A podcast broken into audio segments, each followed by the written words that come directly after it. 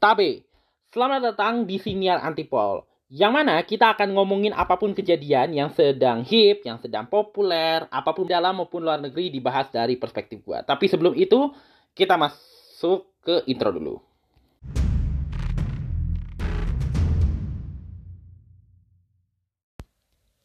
Eh, Kali ini, di episode ini, kita akan ngomongin dua hal yang harus diakui akan gue nggak tahu apakah ini akan ribet untuk dibahas atau enggak tapi ada dua hal berbeda dalam satu topik. Yang pertama soal ngontenin orang uh, tentang perkontenan gitu ya. Nggak kira itu dalam bentuk fotografi video uh, audio. Sinar ini termasuk konten audio kan. Dan sebagainya. Yang kedua tentang kedisiplinan berkendara. Dan ada satu kejadian yang berhubungan sekali dengan dua hal ini. Uh, jadi gua, ini pertama kali gue ngeliat di TikTok. Di TikTok ada sebuah berita tentang sebenarnya udah udah udah kedengar dari beberapa hari yang lalu, yang mana ada seorang gue nggak tahu apakah ini youtuber yang cukup terkenal atau gimana. Cuma si youtuber ini lagi jalan di daerah Tebet gue nggak tahu apakah di daerah stasiunnya atau di area mananya terus dia lagi gue nggak tahu lagi apa. Terusnya dia apakah dia udah sempat ngelihat fenomena itu sebelumnya? Uh, fenomena yang gue maksud adalah ada beberapa pengendara motor yang uh, pada lawan arah. Sebenarnya ini pengendara lawan arah ini kayaknya fenomena di sekitar kita deh. Gue pikir-pikir bukan hanya di tebet aja di rasanya di hampir seluruh jalanan di baik itu jalanan kota, jalanan perumahan dan sebagainya lawan arah itu kayak jalan pintas gitu loh. Walaupun nggak eh, usah jauh-jauh deh di dekat rumah gua, dekat rumah gua itu akan ada sebuah perumahan ya, perumahan Geraha Raya itu kan udah cukup banyak ya, agak, agak lumayan juga jumlah putaran tapi tetap aja ada yang melawan arah. Gue mengakui juga salah satu di antaranya yang melakukan sebenarnya. Sebenarnya salah juga di, harus diakui. Cuma kadang-kadang tuh dijadikan sebagai jalan keluar gitu. Mungkin mau jalan cepat ke satu kawasan atau bagaimana dan dan sebagainya dan sebagainya. Sebenarnya ada jalan tikus kan, tapi kan nggak semua jalan tikus bisa nembus ke arah yang dituju gitu jalan tikus yang gue maksud tuh jalan-jalan perkampungan tapi kan nggak semua perkampungan uh, punya jalan tikus yang ke arah tujuan si pengendara yang berkenaan gitu. Mungkin karena ketutup proyek atau mungkin dulunya jalan tikus bisa diakses tapi karena ada proyek perumahan ya, ya lu tahu-tahu kita tahu-tahu aja lah soal masalah uh, lahan perumahan kan. Tapi karena ketiadaan akses, kesulitan akses, akhirnya jalan pintasnya adalah melawan arah. Uh, secara hukum lalu lintas ini pelanggaran, jelas pelanggaran lalu lintas karena uh, resikonya luar biasa kecelakaan dan sebagainya. Uh, kita udah tahu lah soal itu. Tapi banyak yang melakukan. Nah kebetulan ini kejadian di Tebet. Gua nggak tadi gue bilang gue nggak tahu apakah si uh, tapi gue ada satu artikel yang cukup menarik. Uh, jadi intinya si pengendara si konten ini dia mungkin karena nggak nyaman udah kesel juga dengan fenomena di situ dia kayak mau ngerekam apa yang dia lihat di sekitar kita dan bikin konten eh, mungkin social eksperimen gue nggak tahu kita. Tapi akhirnya dia dia diramein lah sama masa. Abis bikin konten itu gue nggak tahu apa yang terjadi abis itu diramein. Dan kejadian ini youtuber terlepas apakah dia terkenal atau enggak ini mengingatkan gue akan kejadian uh, gue kan juga sebagai bisa dibilang juga seorang yang juga suka konten gitu ya. Konten uh, konten-kontennya maksudnya sering bikin gambar gitu. Tapi gue lebih banyak ini sih di kontennya lebih di foto sebenarnya. Lebih ke fotografi gue dan gue udah 10 tahun melakukan ini. Menjalani hobi fotografi gue dan ada kadang-kadang gue ada di satu situasi di mana gue uh, memotret satu fenomena tapi gue nggak sadar kalau tempat itu sensitif. Sensitif itu dengan kata lain kayak gini. Uh, apa ya? Sebenarnya gue ngambil foto karena gue ya karena suka tapi gue nggak tahu kalau itu sebenarnya nggak boleh. Ada area-area yang memang uh, sebenarnya secara perundangan nggak boleh. Kayak di minimarket itu kan sebenarnya ada beberapa area yang area yang nggak boleh diambil foto kan? Iya kan? Uh, ada mungkin lu sering nemuin di apa sih namanya di beberapa minimarket ada ada tanda yang di mana ke kamera disilang gitu kan? Yang berarti kan dilarang memotret kan? Atau menggam uh, eh, gua tapi kalau gue kan kamera ponsel bukan kamera yang profesional gitu. Cuma ada area-area tertentu termasuk area perdagangan. Sialnya gue udah dua kali kena. Tahun 2014 di sebuah toko perkulakan. Tapi ini yang bukan yang kayak lo temart dan segala macam ya bukan bukan bukan. Tapi ini masih level yang toko perkulakan rakyat biasa gitu. Uh, mana yang punya juga agak galak pula kan. Dan yang terbaru uh, yang paling baru itu setahun yang lalu nggak bisa dibilang lalu baru juga udah lama juga dihitungnya sebenarnya. Setahun yang lalu. Uh, dan ini kejadian tengah malam lagi. Dan kalau tengah malam pasti lu tahu kan ke arah mana itu kan. Gue lagi di sebuah klub. Gue nggak perlu sebut daerahnya. Tapi areanya masih area Jakarta Utara. Gue lagi moto-moto. Nah gue sebenarnya lagi moto uh, seseorang pakai baju garis-garis garis hitam. Lu tau gak sih baju zebra? Nah itu dia. Nah ada satu foto yang mengenai salah satu pengunjung. Terus si si pengunjung uh, cowoknya marah besar. Uh, udah hampir mau mukulin gue lah intinya.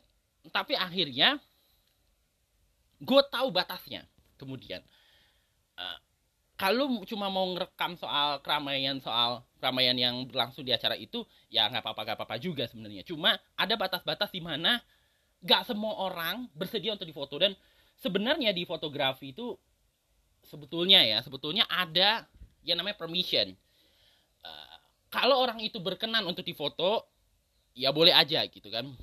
Ini soal prinsip consent sebenarnya masuk dalam prinsip consent consent atau persetujuan. Harus ada persetujuan dari si pihak itu untuk dipotret gitu. Kalau enggak ya udah nggak usah. Tapi memang eh, gue sih mengakui ya ada beberapa foto-foto gue yang agak kurang concern sebenarnya. Uh, foto-foto yang uh, kelihatan punggung itu kan termasuk unconsent kan ya. Nggak memenuhi consent kan nggak ada persetujuan itu kan sebenarnya. Tapi memang kalau foto-foto orang itu memang masih ada persetujuan dan kalau paling aman biasanya itu official photographer. Itu tuh pekerjaan paling aman. Kalau masyarakat publik memang agak berisiko. Uh, agak panjang ya pembahasan soal perkontenan ini ya. Tapi yang gue mau ngomongin adalah kejadian itu ngingetin gue sama uh, beberapa kejadian uh, persinggungan gue dengan orang. Karena uh, memu pertama memotret di area terlarang terlarang kedua permission soal isu permission. Uh, orangnya berkenan nggak gitu untuk potretannya di uh, apa sih namanya di publikasi gitu kurang lebihnya. Uh, nah sebenarnya ini gue nggak tahu apakah ini masuk di concern juga atau enggak yang dilakukan si youtuber ini. Gue baca artikel di kompas um, kompas.com lebih tepatnya. Uh.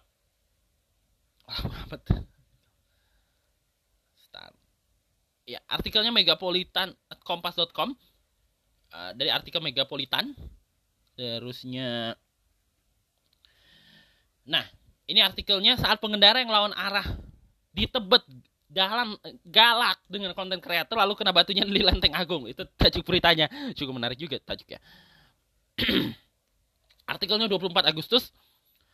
Uh, Jakarta Kompas.com. Belum lama ini seorang kreator konten nyaris diamuk masa di wilayah Tebet, Jakarta Selatan, Selasa 15 Agustus 2023. Udah lama kejadiannya. Ini agak makanya gue merasa kayak kok kayak mirip-mirip kejadian gue ya si anjir. Uh, yang gue hampir mau dipukulin itu tadi cerita yang gue hampir mau dipukulin di klub malam itu uh, ini gue lanjut lagi selasa 15 Agustus malam kejadiannya Laurendra Hutagalung dan timnya digeruduk karena membuat konten edukasi kepada pengendara roda 2. Saat itu mereka menghalau pengendara roda 2 yang lawan arah. Hal itu dilakukan sang konten creator di Jalan Lapangan Rose Utara, tepatnya di sekitaran putaran balik atau U-turn stasiun Tebet. Uh, bukannya dapat apresiasi, nyaris jadi sasaran empuk warga sekitar, terutama pengendara uh, ojek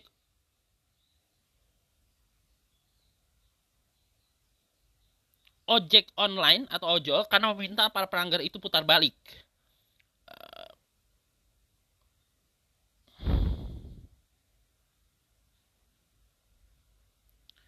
Terusnya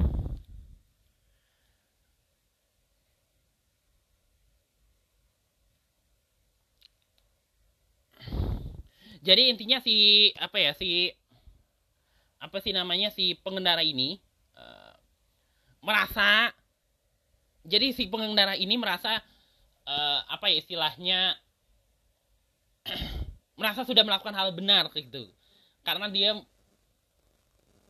kan gitu ya kadang-kadang kan di jalan itu kan pasti ada U-turn putaran balik di beberapa tempat. Karena ngerasa bahwa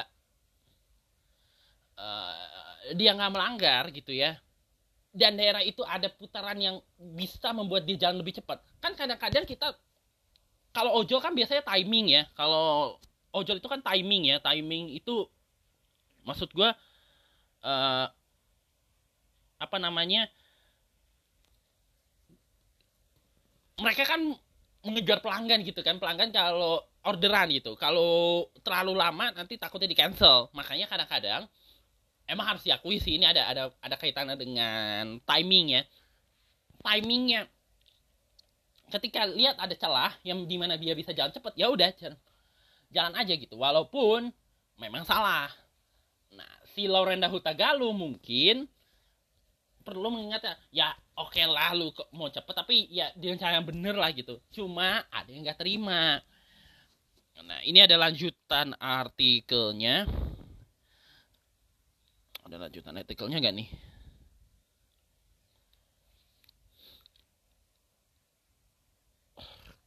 Bentar ya. Kita lanjut lagi sedikit. Sorry tadi ini agak ada telepon dikit. Uh, jadi ternyata ada salah satu uh, saksi lah gitu ya melihat langsung uh, pembuatan konten ini sebenarnya konten hadangan pengendara lawan arah yang dibuat si Pak Lauren Mas Laurendra dan timnya ini namanya Ivan betul nggak sih yang gue lihat di artikelnya Ivan namanya ya bukan Ivan Seventeen ya ini Ivan warga yang setempat yang berada di TKP pengepungan ini. Yang apa ya ya kasusnya Laurendra ini ya. Kalau kata dia kata dia uh, pembuatan konten itu berlangsung uh, normal aja. Dan semua pengendara yang melawan arah mengikuti instruksi yang diberikan Meski begitu, tak sedikit warga sekitar, terutama pengemudi ojol, merasa nggak nyaman dengan kehadiran sang konten kreator sejak sore hari itu. Seiring berjalannya waktu, sang konten kreator berti dianggap bertindak dalam tanda kutip menurut mereka kelewatan karena diduga membentak anak kecil yang kedapatan melawan arus. Ini kata dia, caos pertamanya itu kalau kata teman-teman ada anak kecil yang dibentak, terus dari pihak dianya nyolot, makanya dia pengguna jalan kesel terutama ojek online.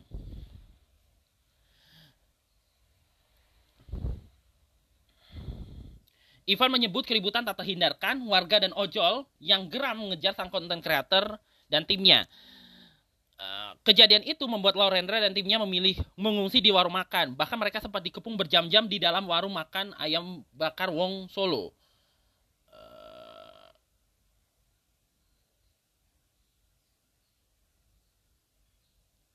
Jadi jadi intinya oh jadi intinya tuh ada masalahnya itu bermula karena ada salah satu anak kecil ya sebenarnya Oh, jadi pemicunya gara-gara anak kecil toh.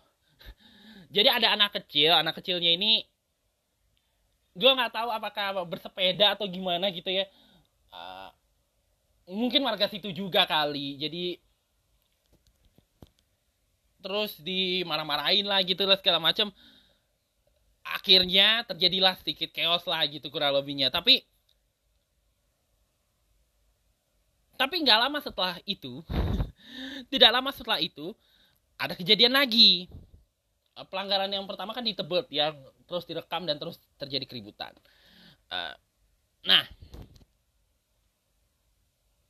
ini terjadi juga di daerah Jalan Raya Lenteng Agung Jagakarsa Jakarta Selatan. Nah tujuh pengendara motor lagi melawan arah tapi kena batunya katanya. Menurut artikel ini mereka tertabrak truk pembat pengangkut bata hebel aduh itu udah agak berat ini. Yang melintas. Truk berwarna hijau itu menabrak para pengendara motor yang diduga melawan arah pada Selasa 22 Agustus. Artikelnya 24 Agustus. Akibat eh, kecelakaan tersebut, ada lima orang yang setidaknya menderita luka-luka. Tiga bahkan disinyalir luka cukup parah. Eh, menurut Kasat Lantas Polres Metro Jakarta Selatan, Kompol Bayu Marviando, eh, sejauh ini yang melanggar ataupun yang diduga menyebabkan kecelakaan adalah kendaraan roda dua yang melanggar melawan arus. Lebih lanjut, Bayu mengatakan saat ini pengendara truk belum terbukti secara sengaja menabrakkan kendaraannya ke arah pemotor. Kata dia lagi, uh, apakah ada dugaan kesengajaan atau tidak dari pengendara mo mobil itu masih kami dalami. Sejauh ini yang diduga jadi penyebab kecelakaan adalah karena kendaraan melawan arus. Uh, nah, setelah ini ini pengendara yang pada lawan arus di Lenteng Agung ini udah apa ya? Udah jatuh, gitu ya luka-luka, udah ketabrak truk, ketimpa tangga pula. Ketimpa pohon kalau menurut gue. ya kayak sudah jatuh tertimpa tangga gitu. Setelah menderita luka-luka akibat tertabrak truk bermuatan bata hebel, Selasa pagi, tujuh pengendara itu juga ditilang oleh polisi karena bergendara. Aduh. Tidak hanya terkena sanksi berupa tilang, semua pengendara motor ini juga akan dikenai sanksi pidana. Wow. Mereka bakal dipidana andai hasil penyelidikan menyatakan bahwa penyebab kecelakaan itu murni karena pelanggaran mereka. Gitu kurang lebihnya. Uh, ini cukup panjang artikelnya. Uh, cukup panjang, cukup panjang sekali pembahasan soal kejadian ini. Tapi akhirnya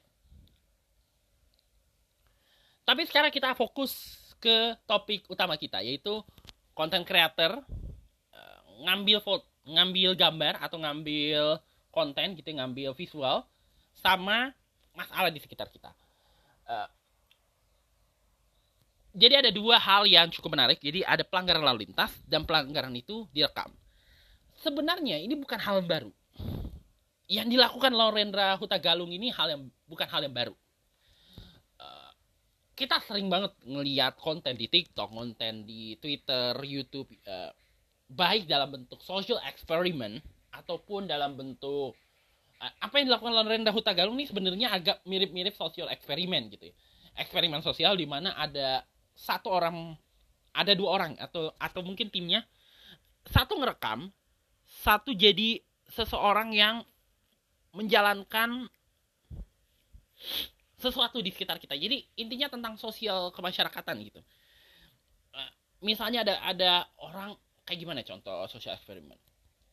Oh gini nih orang yang barang berat gitu, bawa barang berat.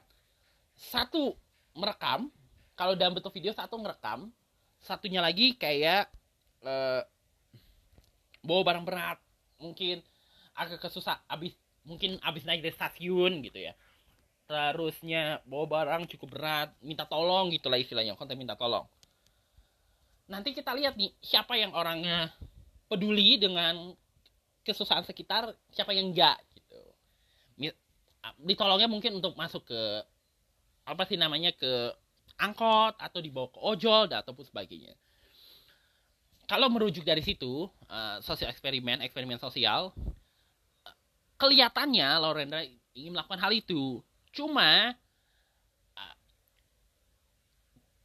cuma dan sebenarnya kalau menurut Kak Irfan, Mas Pak Ivan tadi ya, Pak Ivan yang saksi kejadian kejadian kios uh, content creator ini di Tebet ini sebenarnya mereka membolehkan. Sebenarnya udah ada konsen ada persepakatan konsen cuma cuma yang jadi trouble adalah bocah ini.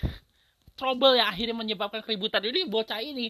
Mungkin karena ini prediksi gue ya prediksi gue uh, mungkin karena si anak kecil ini mungkin ada yang kenal. Karena kan ini warga sama ojol ya akhirnya yang tersinggung gitu ya dengan tindakan yang bersangkutan gitu kan. Uh, dan merasa bahwa mereka kenal orang ini dan mereka ngerasa aduh mas kalau anak kecil mah dimaklumin lah mereka baru masih kecil gitu ya istilahnya. Uh, dan di sisi lain mungkin apa ya mungkin ada kedekatan dengan si keluarga atau warga yang kebetulan punya anak kecil ini dan ngerasa yang dilakukan oleh si Lorendra ini tidak ada dalam kesepakatan di awal bahwa oke okay, kita akan bikin konten tentang bagaimana menedukasi orang supaya tidak melanggar lalu lintas gitu. Cuma dan mungkin disepakatinya para ojol-ojol ini. Cuma ketika ketika mereka ngerasa bahwa yang dilakukan si Lorendra ini mungkin kelewatan ataupun mungkin uh, istilahnya tidak ada dalam kesepakatan itu kesepakatan concern yang gue maksud tadi ya uh, maka ya mereka merasa bahwa kita harus ngingetin dong gitu. Cuma kan gak semua orang istilahnya kayak gini lah gak semua orang bisa istilahnya menegur dengan cara baik-baik. Ada yang mungkin udah kesel pengen Ih, kayaknya gue pengen pukul deh nih orang gitu. Kan ada gitu. Ini agak mirip-mirip dikit dengan kejadian yang gue alami karena sebenarnya ya kalau klub harus diakui agak susah sih ya kejadian klub itu ya. Karena klub kan orang ya lu lu tahu lah yang sering masuk klub pasti tahu lah bahwa orang minum minum-minum dan segala macamnya lagi berkecengkrama gitu. Tapi tentu tapi bisa dipahami sebenarnya karena ini soal private area area privat. Area privat gitu ya istilahnya. Uh, yang mana gimana cara ngejelasinnya ya? Klub itu kan area privat ya gak semua orang bersedia ada yang bersedia. Bahkan gue pernah ada satu foto yang gue di di area itu juga. Eh, tapi bukan yang di tempat kejadian ya ini daerah lain lagi. Yang berkenan untuk difoto kayak gitu di portrait gitu ya. Uh, karena menarik aja sebenarnya kalau gue tapi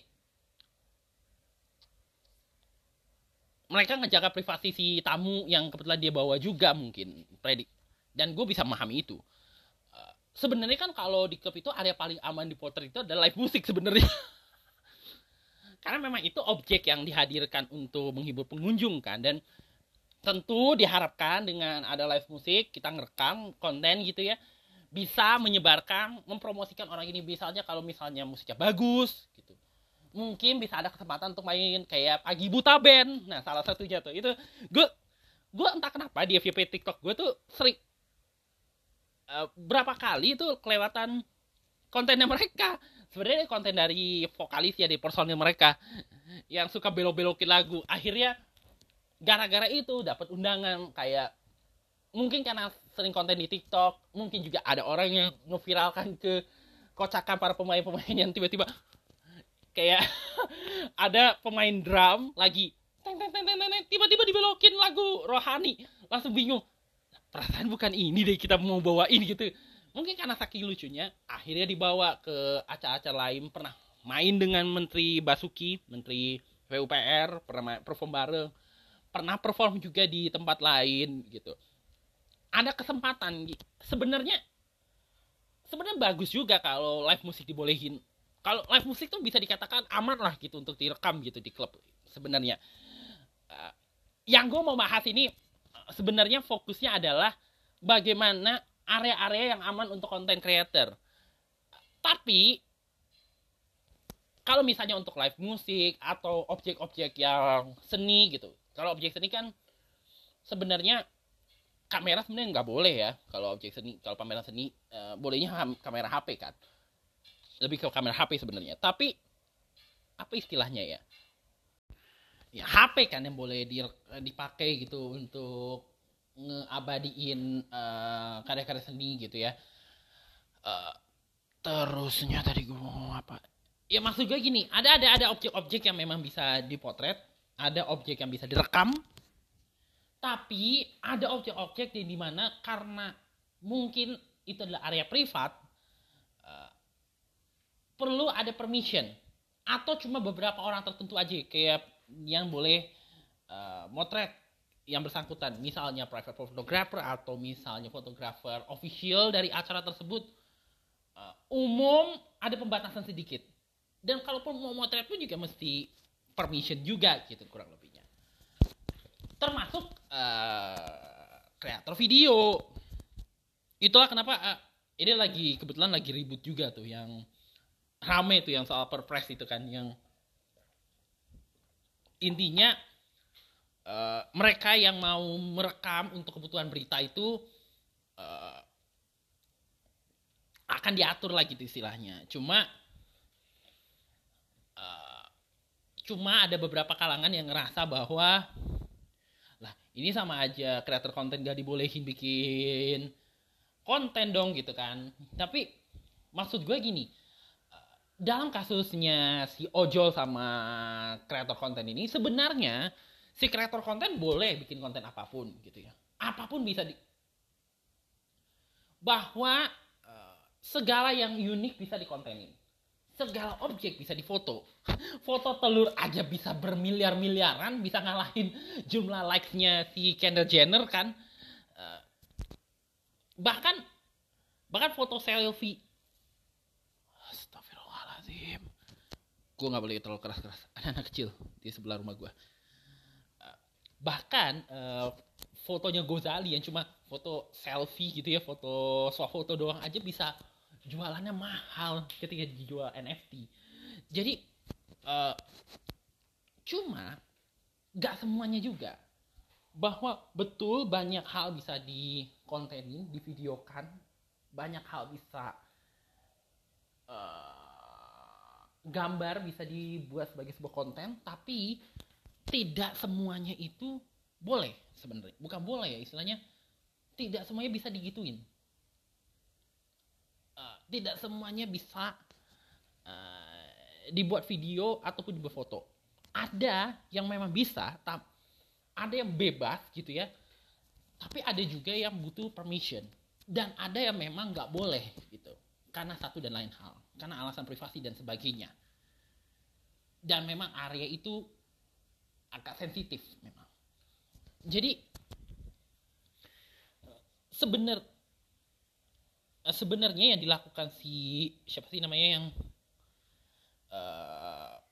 konten uh, kreator dalam kasus ini adalah sebenarnya udah ada permission, udah ada persetujuan dari pihak yang bersangkutan untuk bikin konten itu. Tetapi ada hal-hal yang kayaknya di luar kesepakatan sehingga uh, terjadi chaos. Walaupun sebenarnya walaupun sebenarnya uh, ya sebenarnya maksudnya baik, cuma ada sisi-sisi yang di mana kita harus menghormati sensitivitas itu. Uh, kita boleh bikin konten apa pun itu bentuknya, foto, video, apalagi audio dan segala macamnya, tapi tetap ada sisi-sisi sensitivitas yang mesti dihormati. Apalagi kalau misalnya konten itu udah menyangkut sensitivitas agama, sensitivitas masyarakat. Ada masyarakatnya nyaman digituin uh, di foto bebas ada masyarakat juga yang tidak nyaman dengan model seperti itu. Uh, terusnya itu soal konten ya.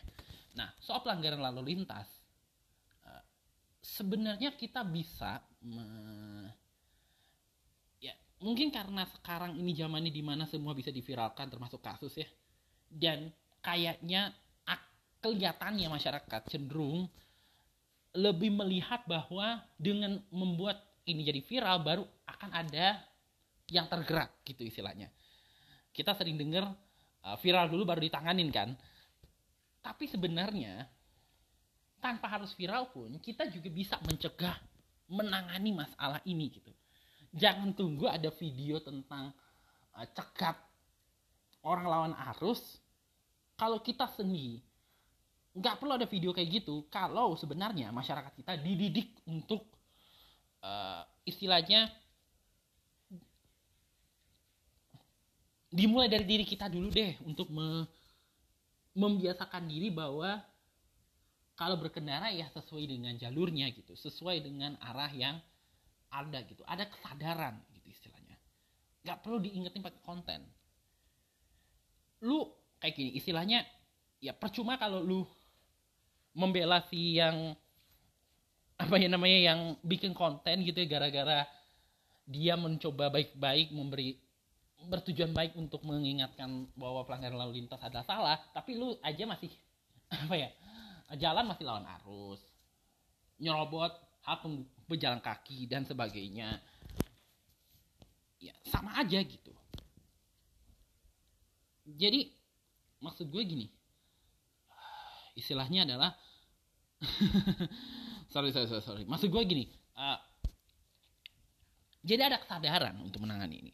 Betul bahwa ada media yang diperlukan untuk mengingatkan masyarakat uh, melalui foto, melalui video dan segala macamnya. Dulu ada satu foto super viral banget itu dari media asing, eh, media berbahasa Inggris yang ada uh, pejalan kaki cegat pemotor. Ini ini zaman-zaman MRT masih belum dibangun, lagi dibangun. Uh, pada nyerobot lewat jalur trotoar terus dihalang dan itu viral juga fotonya. Uh, ada yang bisa, maksudnya ada yang bisa karena memang objeknya bebas dan uh, memang bebas untuk kita bikin sesuatu gitu video ataupun uh, foto gitu ya tapi ada juga yang istilahnya ada area-area privat yang kita perlu permission dulu atau kalau bukan orang itu mending kita nggak usah. Agar gak kenapa-napa gitu biar gak jadi kenapa-napa dan di sisi lain soal pelanggaran lintas sebenarnya tanpa harus dibuat sesuatu untuk mengingatkan pun bahwa ya bahwa ada perlu ada edukasi masyarakat gak hanya dari kepolisian tapi juga dari masyarakat itu sendiri boleh dari masyarakat kreator juga untuk mengingatkan bahwa uh, ketertiban berlalu lintas itu penting. Gue setuju itu. Gue setuju kalau ada tujuannya adalah untuk membantu kepolisian. Tapi kalau misalnya cuma ngeramai-ramein masalah aja gitu dan tidak ada tujuan akhir yang jelas ya sebenarnya kita bisa mencegah dengan diri kita sendiri.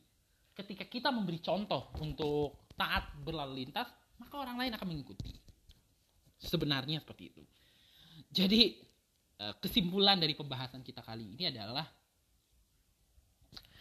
uh, uh, dari pembahasan kita bahwa Eh, melaporkan atau memviralkan sesuatu yang pelanggaran itu sah-sah aja. Sebenarnya sah-sah aja. Cuma kita harus sadar bahwa ada atau mengabadikan sesuatu itu sah-sah aja gitu. Ini gak hanya soal pelanggaran aja, tapi juga hal-hal yang apa pun yang di sekitar kita yang mau kita abadikan dalam bentuk video ataupun foto itu sah-sah aja kita mau melakukannya. Kan itu hak kita. Dan kita ingin punya uh, dokumentasi karena kan foto itu bisa dibilang sebagai pernyataan sejarah ya sesuatu hal yang visual baik dalam bentuk gambar maupun dalam bentuk audio atau video tapi ada hal-hal atau ruang-ruang di mana memang uh, kita perlu ada kebenaran untuk konsen kita ada kebenaran untuk melakukan uh, untuk meminta persetujuan sebelum membuat sesuatu.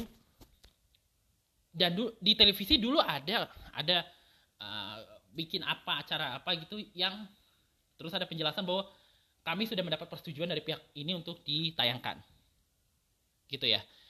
Uh, sehingga konten kreator ini industri kreator ini benar-benar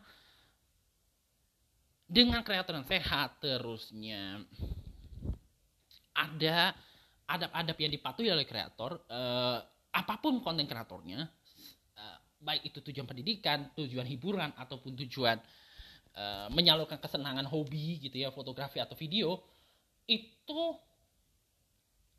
memberi impak positif uh, menciptakan ruang-ruang yang aman. Ruang-ruang yang mana ruang-ruang positif lah gitu, konten-konten yang positif, ruang berkreasi yang positif gitu. Jangan sampai eh, kreator konten itu alih-alih menciptakan ruang yang positif malah malah nambah riuh atau membuat keriuhan yang tidak perlu gitu kurang lebihnya. Dan di sisi lain sebenarnya sah aja kalau mau melakukan itu, tapi ya itu tadi uh, selalu berhati-hati, selalu sadar, selalu nge kalau itu ruang yang ada ruang yang bisa kita masuki, ada yang ruang yang kita perlu permisi, ada yang ruang memang benar-benar kita nggak usah. Mending nggak usah daripada kenapa-napa. Gitu aja sih. Uh, berkonten yang baik dan gue jujur juga masih belajar sebagai konten uh, pembuat kreator gitu ya dalam bentuk foto uh, sebagai foto hobi foto maupun narasinya juga masih belajar untuk menjadi kreator yang baik yang tahu aturan gitu ya dalam berkarya sehingga bisa ikut bersumbangsi menciptakan lingkungan kreasi berkreasi yang lebih sehat. Itu aja sih pembahasan gue untuk edisi kali ini. Eh, semoga ada manfaatnya. Kalau ada miss dikit atau ada yang kurang, ada yang mungkin salah-salah ya itu kekurangan dari saya gitu ya. Dari saya. Tapi tentu masih banyak lagi pembahasan banyak hal yang akan terus uh, akan dibahas lagi di siniar ini dari perspektif gue. Uh, makanya nantikan edisi berikutnya dari siniar Antipol New Era. Sampai berjumpa lagi.